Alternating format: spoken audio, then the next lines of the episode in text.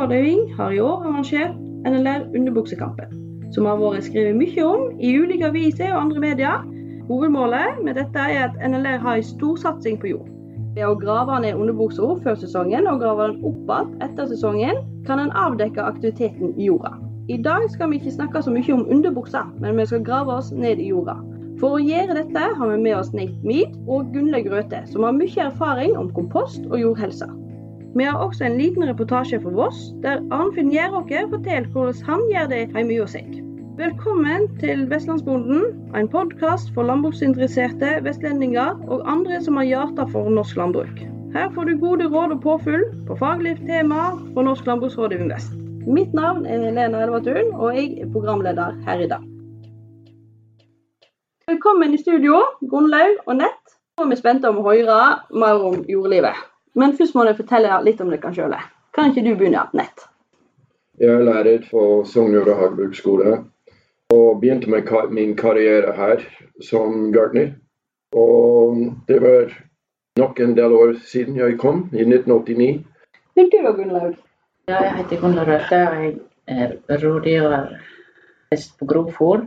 Jeg jobber også ganske mye med kulturlandskap. Spennende. Da har vi med oss to godt erfarne folk her i dag. Nå må vi snakke litt om det vi faktisk skal snakke om, og det er jo kompost og jordhelse. Hva som er god jordhelse? En god jordhelse det er jord som har en god struktur. Det vil si at den uh, har et porøst jordstruktur med gode jordaggregater. Den klarer å absorbere vann. Og um, at det er et mangfoldig mikroliv, dvs. Si mange ulike typer jordorganismer. Både bakterier, men også sopp og protozoer og nematoder og større dyr som meitemark osv. Jorda er levende. At den klarer å fordøye underbuksen, som du snakker om. Og du da, Gunnlaug, Hva tenker du er viktig for å få til god jordhelse? Hva trenger en da? Godt eh, innhold av organisk materiale, eller mold dette her med strukturen er også veldig viktig, og at det må være en god del luft. Altså dette her med jordpakking er ikke bra. Nå er vi jo innom veldig mange sånn ulike faglige poeng. Hvordan kan en bonde da sjekke når han er i sin gjeng om han har god jordhelse? Da kan han ha med seg en spade. Så graver han opp en eh, jordklump. Og så kan han eh, se litt på rotutvikling, han kan se på om jorda er tett. Han kan se på om man ser meitemakk og andre sånne ja, andre mikroorganismer. Det er, det er, veldig mange mikroorganismer i jorda som man selvsagt ikke ser, som bakterier. Er jorda veldig pakka? Finn en jordflak. Da vil si at Hvis du finner sånne tjukke jordflak som ser ut som firkanter eller rektangel, da er det dårlig jordstruktur.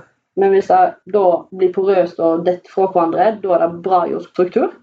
Ja, altså Hvis jeg finner sånne flak, så tyder det på at uh, jorda er pakka. Og når jorda blir pakka, så er det luftmengde det først og fremst går utover. Og Vil en da se det igjen, vassmengde på bakkene når det regner? Ja, hvis en har god struktur, så er, vil vannet renne nedover og ikke bli stående på overflata. Vil en se forskjell på skiftene her på Vestlandet så har en jo stort sett drevet med monokultur, da, med grasmark lange tider, og vi har brukt det samme utstyret i lang tid. Vil en kanskje se forskjell på de ulike skiftene for dagen? Som regel så har en ikke helt lik jord på, på alle skifter, så det vil være, være forskjell. Ofte så er noe, Hvis en har husdyr og bruker møk, så vil jo ofte de stykke seg nærmeste floden har høyest innhold av eh, både næring og organisk innhold elvmål. Nate, når det er her på Sogn jord- og hageskole skal ut sjekke jordhelsa på en bakke, hvordan gjør det da? Ja, akkurat som Gunnlaug forklarte, det å stikke spade i jorda er noe vi gjør. Vi er på lett etter hvordan jorda lukter. Det er en veldig viktig egenskap. Lukter det søtt og godt, da er det et tegn at man har et rikt mikroliv. Lukter det råttent egg, da er det et tegn på at jorda er hardpakka ofte og vassjuk. Hvis en skal se på dette med god jordhelse i et sånn økonomisk perspektiv, hva tenker dere her? Altså, kan en speile igjen eh, økonomien i god jordhelse? Ja, absolutt. For god jordhelse vil produsere vekster som er friske og produktive. Du får stor biomasse fra en frisk jord, og, og da får man gode avlinger. Så du får økt avlinger med god jordhelse. Absolutt. Men nå ser jeg jo at eh, Norsøk de har jo en veldig fin beskrivelse hvordan en skal sjekke jordhelsa i gjengen sin. Kan ikke du fortelle litt om dette, Gunnlaug? Da tenker du antakelig på jordlappen. Og eh, det er liksom litt utvida av den spareprøven som jeg har vært inne på. Jeg fikk en vanlig spareprøve, og så ser en som jeg var inne på tidligere, med meitemakk. Altså da er det to til tre meitepakker i en sånn spareprøve, så er det noe eh, si godkjent.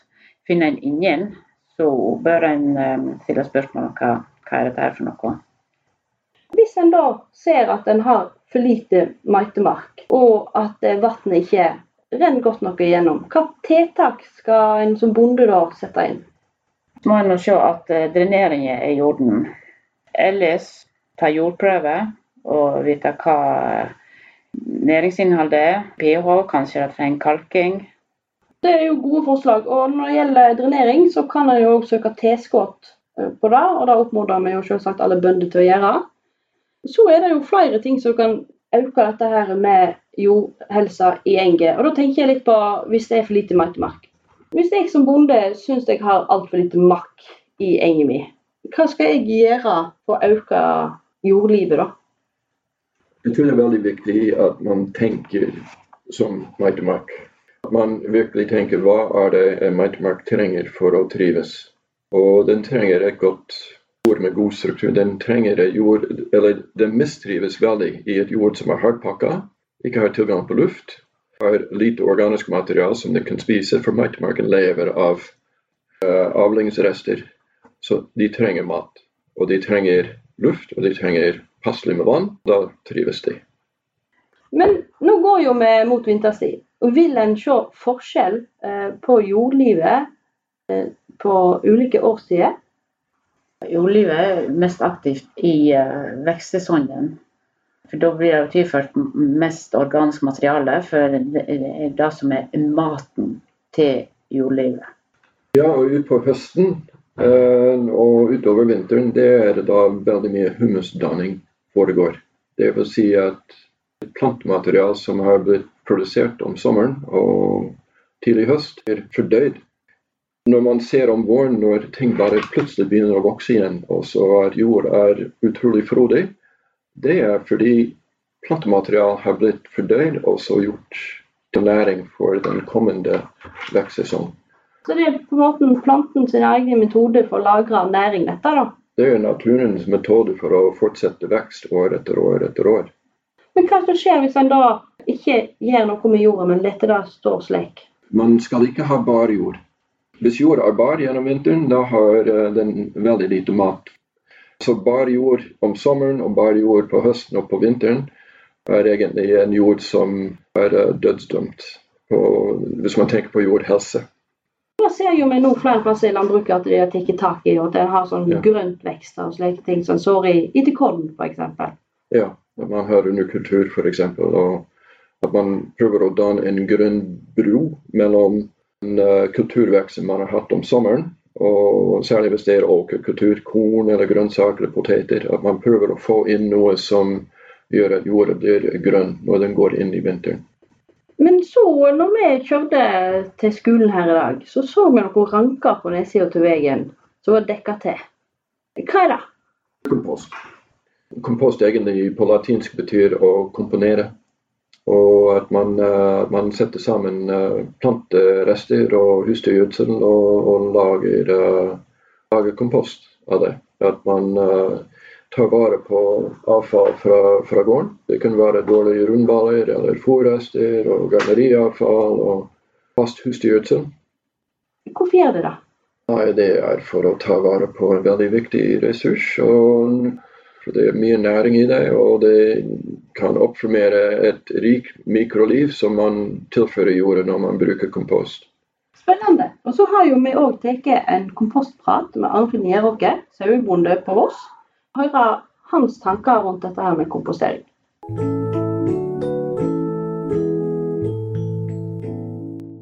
Så eh, har vi oppsøkt Arnfinn Gjeråke på Voss og Arnfinn, kan du bare fortelle litt om eh, hva drift du har på gang, og hvorfor du begynte med kompostering?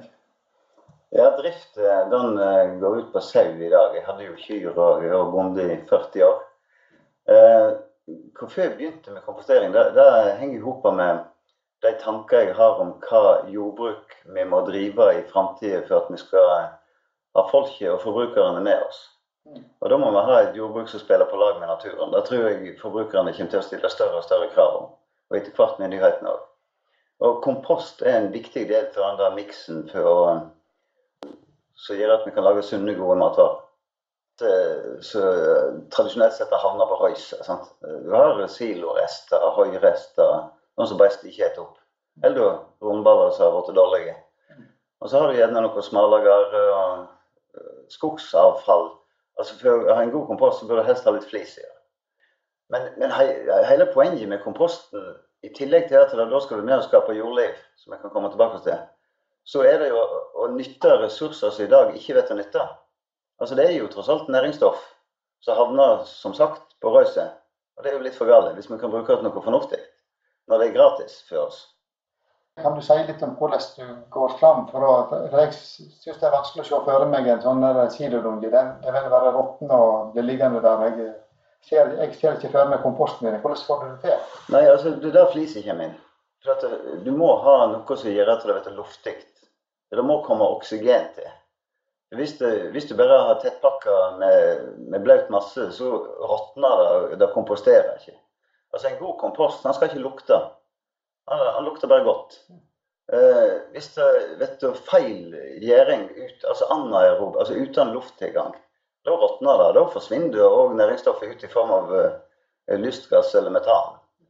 Kan du si noe om hvordan du legger opp, eh, hvordan du går fram for å få til en god, god kompost? Ja. Begynner med å kjøre bort det jeg har i lang ranke da, til, eh, til gammel silo og sånt. Så I løpet av vettåren har samla seg i en haug. Og så Ja, du må ha et flatt område helst.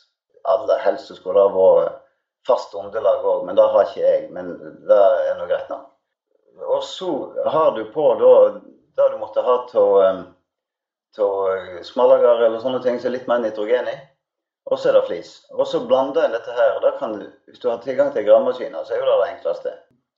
Er det da veldig grov flis eller fin? Nei, det gjorde jeg tabbe første året når jeg kjøpte en flisorgan. Da var den innstilt for grovt. Og da vet du, det går for lang tid før det skal bli omdanna. Så det må være litt eh, stille flisorgan sånn på fineste innstilling. Hvor lenge ligger den før, før den er ferdig? Er det ett år eller to år? Nei, altså i fjor brukte jeg den ganske med en gang. Eh, det som liksom har vært sagt før, da, at en skal være forsiktig med å bruke fersk kompost, for du kan få spireproblem. Men det testa jeg i fjor. Jeg sådde noe sånn um, dekkvekst. Den spirte og så bare rakkeren. Så. Dekker du komposten når den uh, ligger der? Ligger den bare åpen, eller? Det er litt væravhengig. Uh, jeg vatna den faktisk i sommer, for det var jo så tort perioder. Uh, og det skal være viss fokus. altså, De sier at ideelt sett så skal du kunne ta en neve med kompost og kneppe den i hånda så skal det komme en vanndråpe ut. Da er det ideell fuktighet. Uh, og når det er på det tørreste, så sliter du med å holde den, for det fordamper jo en hel del. Altså. Og med å heve temperaturen opp til 50-60 grader, det er jo at du tar og knekker patogene bakterier, altså skadelige bakterier. Ja. som Så kan være farlig for folk. Du tenker knekken på bakterier og på frø, egentlig? På... Ja, du tenker knekken på de bakteriene. Ja. Eh, du tenker jo ikke, forhåpentligvis, ikke knekken på de gode bakteriene. Ja. Det er jo de du er ute etter. Og soppen som en er ute etter. Sopp er utrolig viktig for systemet her, for plantene med næring. Det utvider rotsystemet kan du si, med sopphyfer i jorda. Hender det seg at det er vanskelig å få i gang dette her eh, komposten? Har du noen, noen lure råd der? For hvis, hvis en ikke får det på en måte til å gå varme der skikkelig? Ja, det var en, eh, en som òg er med i dette prosjektet, Ole Dokstad. Han sleit med å få fyrt på den i, i vår. Altså du må ha en del nitrogenrikt ja. for, som brensel. altså. Rett og slett litt møk? rett og slett? Ja, møk eller grønt gress er jo helt det, det, ja. vet vi jo at det går jo varmt med en gang. sant? Nei, så en må prøve seg litt fram. Men, men, som sagt, eh, du gjør ikke noe stor tabbe om eh, du ikke får temperaturen opp heller. Det vil jo bli kompostavler til slutt. Da kan eneste være problemet at en del ugressfrø overlever. Hva er den ideelle temperaturen i en kompost? Vi driver forsøk med flere ulike måter, men det som jeg har snakket om til nå, det er jo varm kompost. Og Da bør temperaturen opp i en 50-60 grader før å ta livet til ugressfrø. Og så bør du snu før du kommer i 70 grader. For da begynner det å gå galt. Men med kaldkompost skal du opp i samme temperaturene der og litt lenger siden? Nei, du skal ikke ha temperatur. Men da skal det ligge i mange år. Ja, sånn. Kan du si litt mer om, om det karbonfangstprosjektet?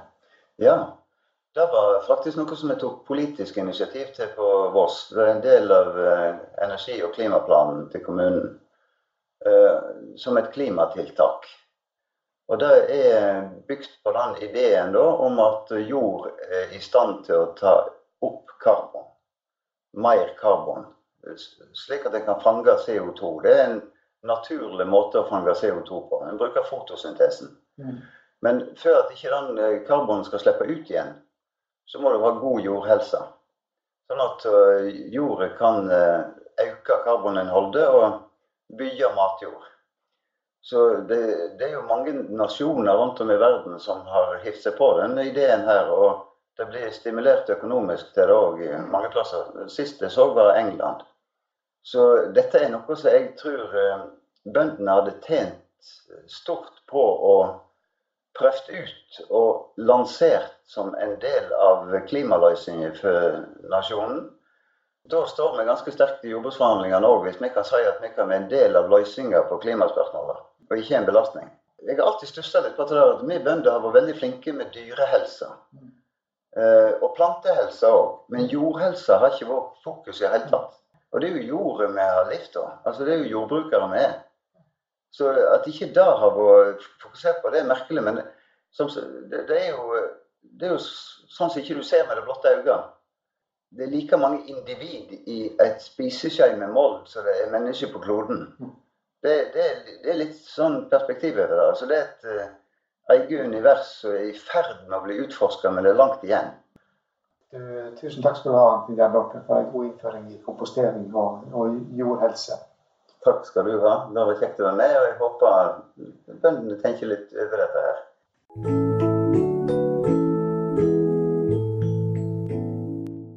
Takk til deg, Kolbjørn og Arnfinn. Dette var jo veldig interessant. Og I reportasjen her så hørte vi at bonden var opptatt av det optimale temperaturen, at det var nok luft og fuktighet. Hva er egentlig det optimale her? Den optimale temperatur i en kompost er at man vil helst at når man legger opp en kompost, at den skal uh, få en god varme. Og det vil si en varme opp mot uh, 60, kanskje helt opp mot 65 grader i starten. Så, og så gradvis uh, den går nedover da, over tid. INLR, hvordan gjør vi dette? Ja, med at vi har et såkalt karbonprosjekt på, på Voss, så har vi kjøpt inn uh, noen eh, helt enkle termometer som vi kan bruke og måle temperaturen i kompost. Ja, en, en grunn for jeg liker å bruke digital termometer, er at de reagerer veldig fort. Sånn at du, du, slipper å stå og vente. Så du kan gå så du kan stikke ulike plasser eh, langs en komposthaug. For de kompostrankene som du så på når du kjørte innom her, de er 30 meter lange. Og de kan ha ulike ingredienser avhengig av hvor man er i haugen. Og, og um, så man kan, man kan, teste temperaturen på ulike plasser på haugen. Men hvis en oppdager at temperaturen er altfor høy, hva gjør en da? Ja, umiddelbart. Det man kan gjøre, er at man kan snu haugen. Det er en, en hvis man har utstyr til det. En temperatur over 65 grader, da, da kommer man opp i pasteuriseringstemperatur. Og vi ønsker ikke å pasteurisere vekk de organismene som danner humus. Og de tåler temperaturen opp mot 65, men over det da får man uh, et mye mer begrenset mikroliv i, i haugen. Og kompostresultat blir dårligere. Men hvordan blir det når det mottar mye avfall fra andre i forhold til det med? Den, det er gunstig med den temperaturen i starten av komposteringen. For den tar knekken på alt for ugressfrø og kvekerøtter og høymålefrø og de klassiske rotugrasstyper som vi har i landbruket, blir uh, mer eller mindre ja, tilintetgjort. Blir uh, fordøyd og, eller gjort sånn at de ikke er spiredyktige lenger. Så det er ugressbekjemping òg, på et vis? Ja, og sykdomsbekjemping. Så innvollsnøtter fra sau, f.eks. sau som kan være i sauemøkk, får man en komposteringstemperatur på en over 45 grader i, i tre-fire uker, som er veldig lett å få til, uh, da, da, er de ødelagt. Da, da, dør de. Jeg så jo at det hadde dekka til Dekans kompost. Mm. Er det sånn alle må gjøre? Ja, det er viktig. Det er viktig, Særlig der vi har så mye nedbør. og lenger vest er det enda viktigere. Men disse kompostduk som man bruker, den puster. Lukker ut muligheten for oksygen å komme til komposten. Og det er en vesentlig uh, aspekt. Men disse dukene vi bruker, de, de slipper luft gjennom samtidig som de uh, hindrer at uh, nedbør går gjennom. Men hvis den, når vi snakker om dette med temperatur, og hvis den blir for høy, så må du snu den. Men hvis den ikke er høy, da? Hvis det ikke er noe temperatur, hva har skjedd da? Da har man brukt material som er uh, enten for gammel, kanskje for ensidig. Et mangfold av material som man bruker i komposten. og Det er ferskt materiale som har evne til å danne varme. Dvs. Si fersk gress, fôrrester, fersk husdyrgjødsel. Men når er den ferdig, da? Eller hvordan vet du at den er ferdig? Ja, en ferdig kompost. Den uh, ser ut som mål. Den er en fin brun farge, og, og uh, man kjenner ikke igjen uh, resten av det man har begynt med. Kanskje litt treverk kan man ha hvis man har brukt kvernekvist f.eks. Så er det jo dette med klima. Hvordan har, har dette innvirkning på klimaet? Hvis vi har god jordhelse vil, og plantene trives, så vil de samle mer karbon det blir mindre utslipp av eh, gass til, til luft. Snakk om karbon. Hva tenker du, hvordan eh, er det knyttet opp mot landbruket? Hvis en binder karbon fra CO2 i jordet, så blir det mindre CO2-gass i lufta. Det er jo positivt på klimaet. Øker dette karbonlageret da? Det kan en gjøre på ulik vis. Um, en tilfører f.eks. møk av ulike eller fra ulike dyreslag. En bruker eh, ulike plantearter med ulik rotsystem, som han nettopp var inne på.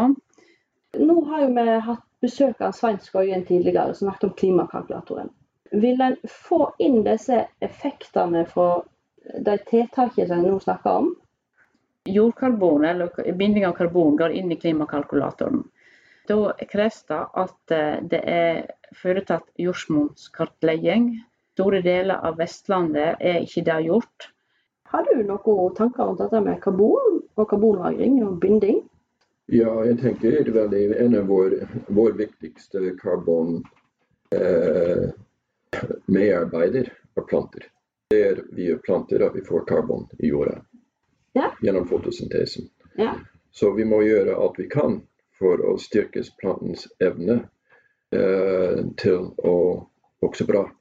Og dess bedre plantene vokser, mer karbon klarer vi å binde. Da må jeg si tusen, tusen takk for at jeg kan, tok deg tid til å komme. Dette her var svært lærerikt for meg, så jeg håper det var lærerikt for mange andre òg. Og i neste episode så skal vi ha med oss Bart van Gool, som skal prate om si vinkling på klimarådgivning og hva som er klimagunstig for bønder. Ha det bra.